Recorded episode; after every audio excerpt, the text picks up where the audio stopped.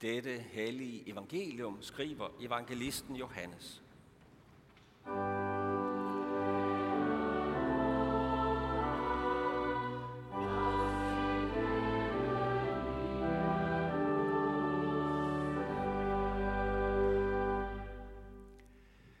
Jesus svarede disciplene, Timen er kommet, da menneskesønnen skal herliggøres. Sandelig, sandelig siger jeg, hvis hvedekornet ikke falder i jorden og dør, bliver det kun det ene korn. Men hvis det dør, bærer det mange folk. Den, der elsker sit liv, mister det. Og den, der hader sit liv i denne verden, skal bevare det til evigt liv. Den, der tjener mig, skal følge mig, og hvor jeg er, der skal også min tjener være. Den, der tjener mig, ham skal faderen ære. Nu er min sjæl i oprør. Hvad skal jeg sige? Fader, frels mig fra denne time. Nej, det er derfor, jeg er nået til denne time. Fader, herliggør dit navn. Der lød der en røst fra himlen. Jeg har herliggjort det, og jeg vil atter herliggøre det. Folkeskaren, som stod der og hørte det, sagde, at det var torden. Andre sagde, en engel talte til ham. Jesus sagde til dem, den røst lød ikke for min skyld, men for jeres skyld. Nu fældes der dom over denne verden. Nu skal denne verdens fyrste jages ud. Og når jeg er blevet ophøjet fra jorden, vil jeg drage alle til mig. Det sagde han, og betegnede dermed, hvordan han skulle dø. Amen.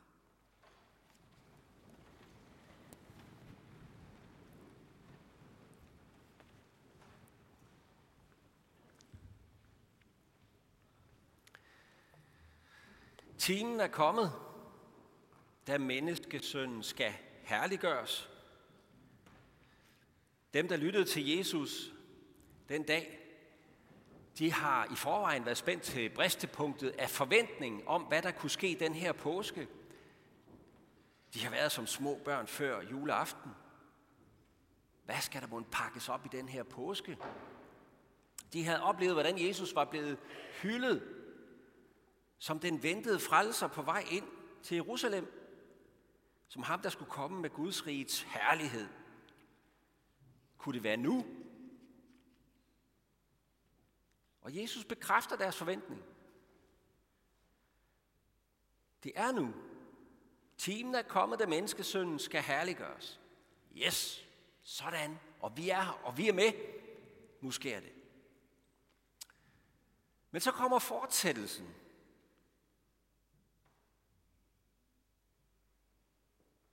Om vedekornet, der skal lægges i jorden og dø. Og Johannes, han konkluderer her, det sagde han og betegnede dermed, hvordan han skulle dø. Herliggørelse og død, så kan det ikke blive mere spændingsfyldt, mere modsatte ekstremer. Vi troede, vi skulle høre om noget herligt, og så taler Jesus om død. Det er jo ikke kun sin egen. Der kommer også noget med om os andre. Så det lyder jo ikke just opmuntrende og livsbekræftende. Hvis vi skal følge Jesus den samme vej, hvad herligt er der ved døden? Hvad herligt er der ved at blive lagt i jorden? Døden er den ultimative fjende. Det ultimative nederlag og tab, den ultimative ydmygelse. Hvad herligt og skønt skulle der i øvrigt komme af at følge Jesus her og have det liv, vi har i verden. Er det ikke et meget tungt, sort og dystert budskab, Jesus han stiller os ind under? Er det ikke sådan en sort sky, der bliver lagt ind over os i dag? Jo, det kunne man jo godt umiddelbart tro, ikke mindst i vores tid, hvor vi helst ikke vil høre om døden. Den skal helst pakkes væk ud af horisonten, som om vi var den første generation, der ikke skal dø nogensinde. Men det er altså hverken livsfjendsk eller sort, det Jesus siger til os i dag. Det er i allerdybeste forstand herligt. Et dybt livsbekræftende budskab. Altså ikke livsbekræftende på den måde, vi måske er vant til at tænke om det, at vi ligesom forsøger at undgå at tale om det svære, og vi fortrænger dødens vilkår, fordi vi synes, at det kvæler livsglæden.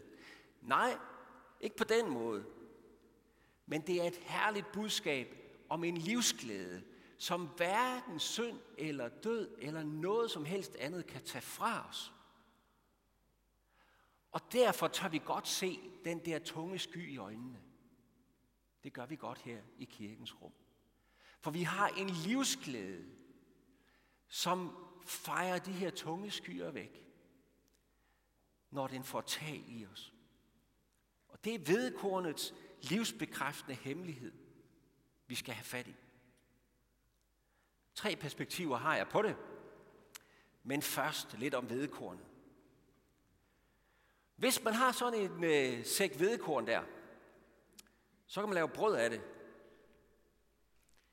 Og øh, det lyder som en rigtig god idé. Og fra det perspektiv, så må man jo godt tænke, at det er da ren tilsætning at tage noget af det, og så begrave det i jorden. Altså, hvor tåbeligt er det lige, ikke? Når man har en hel sæk korn, så skulle man jo bruge det, der er, i stedet for at tage noget af det og smide i jorden, ikke? Hvis man har 10 guldmønter, så får man ikke flere af at begrave nogle stykker i jorden. Det er en tåbelighed. Det er da spild af penge. Men lægger man et frø i jorden, så spiger det nogle få måneder senere, og en ny plante kommer frem. Det ene korn går for så vidt til, det kan ikke bruges til at bage noget af, men der skyder en ny plante frem. Og hvis det er en hvedeplante, så er det sådan, at alt efter vækstbetingelser, så kan den her ene, det her ene frø i den ene plante få tre, fire, fem strå med hver sit aks. Og hver aks kan have op til en 30-40 nye kerner. Og sådan kan investeringen af det her ene lille frø, der blev lagt i jorden og gik til og blev spildt i det hvedebrød, jeg ellers kunne have bagt, det kan blive til, til 100 folk eller mere. En kerne går til, men 100 kerner får nyt liv. Det er vedkornets hemmelighed. Og det er det, det er det billede, Jesus sætter os ind i i dag. Det er det perspektiv, han sætter sin egen død ind under. Hvordan kan Jesu død blive til liv for andre? Når man dør, så dør man. Jamen det kan Jesu liv, fordi det ikke bare var et almindeligt menneske, der blev henrettet langfredag i Jerusalem. Og det var ikke nogen almindelig død, han led. Det var Gud selv, livets kilde selv, der i og med Jesus valgte at gå ind og tage vores død på sig. Og ikke bare vores død, men også vores dom. Det er det, Jesus siger om sin forestående død. Nu fælles der dom over verden. Nu skal denne fyrste, verdens fyrste jages ud. Nu skal Jesus herliggøres, for nu er han kommet for at gøre det, der var planen fra starten af. Nu skal der holdes dommedag, for Gud kan ikke se gennem fingre med denne verdens ødelæggelse og død og ondskab og lidelse og smerte. Nu holder han dommedag, men han gør det over sig selv.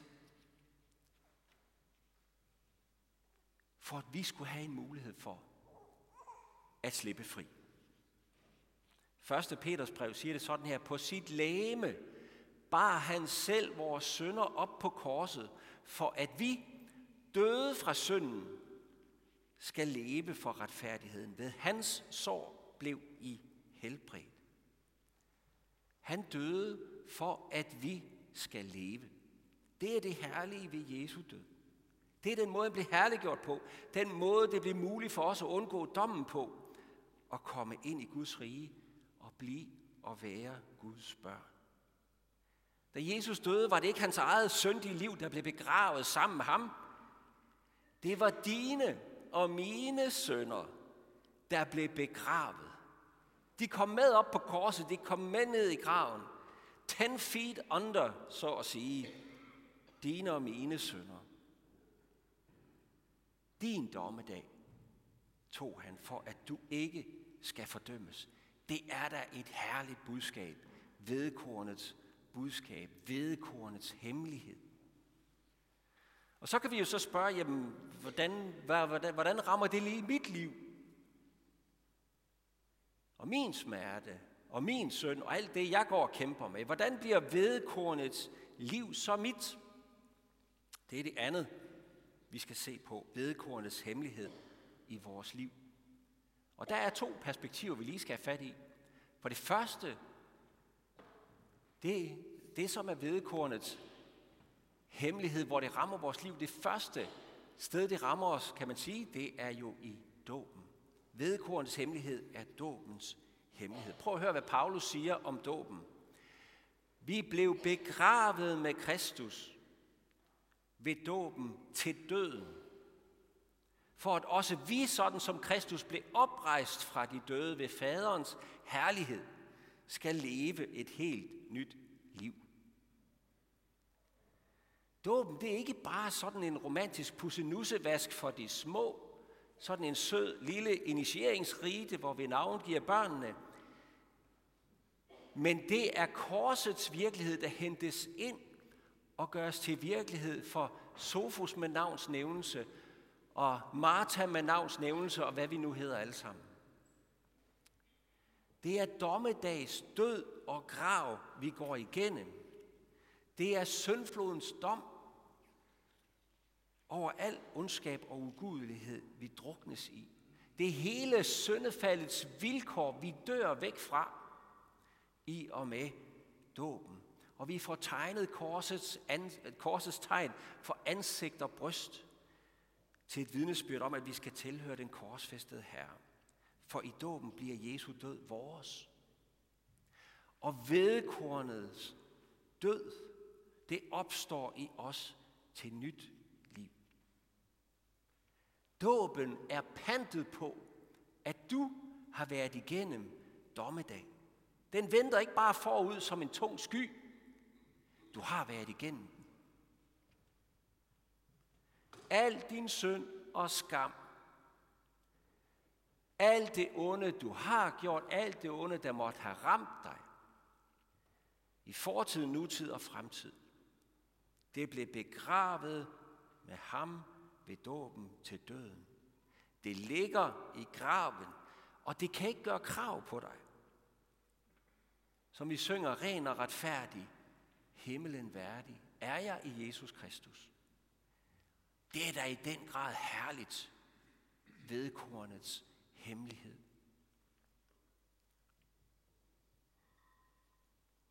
I stedet for, at din søn og død gør krav på dig, så er det Jesu liv, der nu efter dåben gør krav på dig.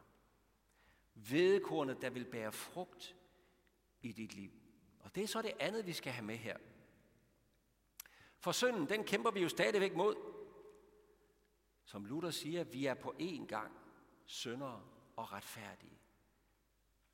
Vi er retfærdige, tilregnet Jesu død. Vi tilhører ham.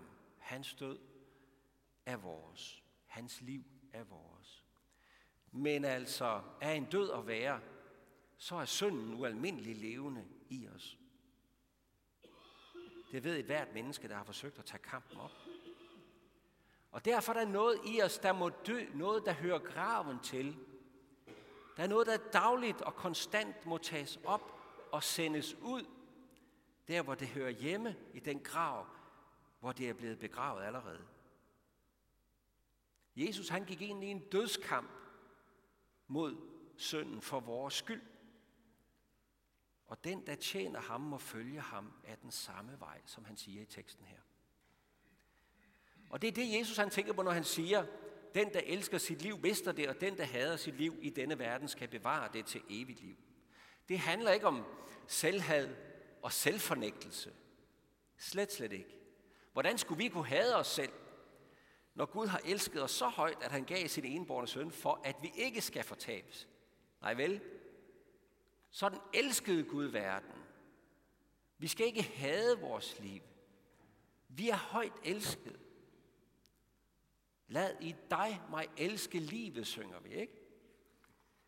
Nej, det liv, Jesus taler om, det liv, der skal hades og dødes, det er jo det ødelæggende, forvrængede liv. Det er det liv, som denne verdens fyrste frister os til. Det liv, hvor vi ligesom er kroget ind i os selv, og kun har os selv som horisont. Det liv, hvor vi laster skyld oven på skam, så det ødelægger både vort og andres liv og glæde. Det er det, der må dø og må hades. Alt det, der taler kærligheden og godheden og livet og glæden imod. Paulus siger det sådan her i Kolossenserne 3, så lad det, der det jordiske i jer dø. Og Så kommer der nogle ting, nogle eksempler. Utugt, urenhed, lidenskaber og onde lyster og griskhed, for det er afgudstyrkelse. Det nedkalder Guds vrede og ulydighedens børn. Den slags hengav også I jer til dengang I levede sådan, men nu skal I lægge det af alt sammen. Vrede, hissighed, ondskab, spot og skamløs snak i jeres mund. Liv ikke for hinanden. For I har aflagt det gamle menneske med dets gerninger, og I har iført jer det nye, som fornyes i sin skabers billede. Det er vedkornets hemmelighed i os. Al den skyld og skam, der dagligt plager os, den behøver vi ikke at sidde fast i. Vi kan lægge den af der, hvor den allerede er blevet begravet. Ten feet under. Fordi Jesus har taget det. Vi kan tage det af. Smide det af. Lægge det af. Det har ikke krav på os. Det har ingen magt over os. Vi sidder ikke fast i vores fortid. Vi sidder ikke fast i det billede af os selv, som vores fortid har skabt med det, vi gjorde forkert. Og ligesom vil holde os fast og trække os ned. Med Guds tilgivelse, så kan vi rejse os og få kraft til at lægge alt det skidt, vi ellers ville slippe med rundt af og begrave det. Og i stedet for elske livet. Elske Gud og næsten. Og blive fornyet i vores skabers billede, i Kristi billede. Kære venner, det bliver altså ikke mere livsbekræftende end det. Fri fra synden, der ellers så let tynger os og binder os. Det er vedekornets hemmelighed. Og det er den hemmelighed, Jesus vil føre os ind i i dag. Vi, læste, vi hørte det læst lige før. Anne-Katrine læste det. Hvor rig på herlighed den her hemmelighed er. Kristus i jer. Herlighedens håb. Kristus i jer. Ham, der tager alt det onde ned og begraver det, og giver os nyt liv og håb og glæde i stedet. Kristus i jer. Ham forkynder vi, og vi formaner enhver og belærer enhver med al visdom for at føre et hvert menneske frem som fuldkommen i Kristus. Og det er dig, han taler om. Det er da herligt. Og så til sidst. Vedkornets hemmelighed. Det gælder også den dag, hvor vi lider det ultimative nederlag. Den dag, hvor vi selv skal lægges i jorden bogstaveligt talt. Eller måske i ovnen bogstaveligt talt. Hvordan vi nu end bliver, hvad skal man sige, sat ud af spillet til sidst. For den, der hører Jesus til ved dåb og tro, bliver døden selv blot vedkornets død til nyt liv. Jesus han siger, at den, der tjener mig, skal følge mig, og hvor jeg er, der skal også min tjener være. Vi skal følge ham og være, hvor han er. Og hvor er han nu? Han er ved faderens højre hånd. Han er gået bort for at gøre en bolig redde for os, som han siger. Han har en plads klar til dig på den nye jord. Og det er det løfte, vi kan gå vores egen død i møde med. Følger vi Jesus i dette liv, overgiver vores sønder til døden og søndernes forladelse i ham, så skal vi også følge ham ud på den anden side af død og grav, ind i opstandelsen. Til jord skal du blive, ja. Men Gud han har plantet et lille frø i os. Troen på Jesus. Den ser ikke ud af meget, sådan et lille frø. Men det har en kraft i sig uden lige. Nemlig Guds herlighed og Guds kraft, den kraft, som oprejste Jesus fra de døde. Og den skal oprejse os fra de døde og give os en plads i Guds rige. Det er vedkornets hemmelighed. Derfor er Jesu død så helt afgørende for os. Og derfor er dagens budskab så herligt. Og derfor tør vi se tunge ting i øjnene, også her i kirken. For vi går dem i møde i Guds tilgivelse, i Guds kærlighed, med håb og med glæde. Det er så herligt og livsbekræftende, at der ikke er andet tilbage end at sige, Lov og tak og evig ære være dig, vor Gud, Fader, Søn og Helligånd, du som var, er og bliver en sand treenig Gud. Højlovet fra første begyndelse, nu og i al evighed. Amen. Vi vil rejse os og tilønske hinanden, hvor Herres Jesu Kristi nåde, Guds, vor Fars kærlighed og Helligåndens fællesskab være med os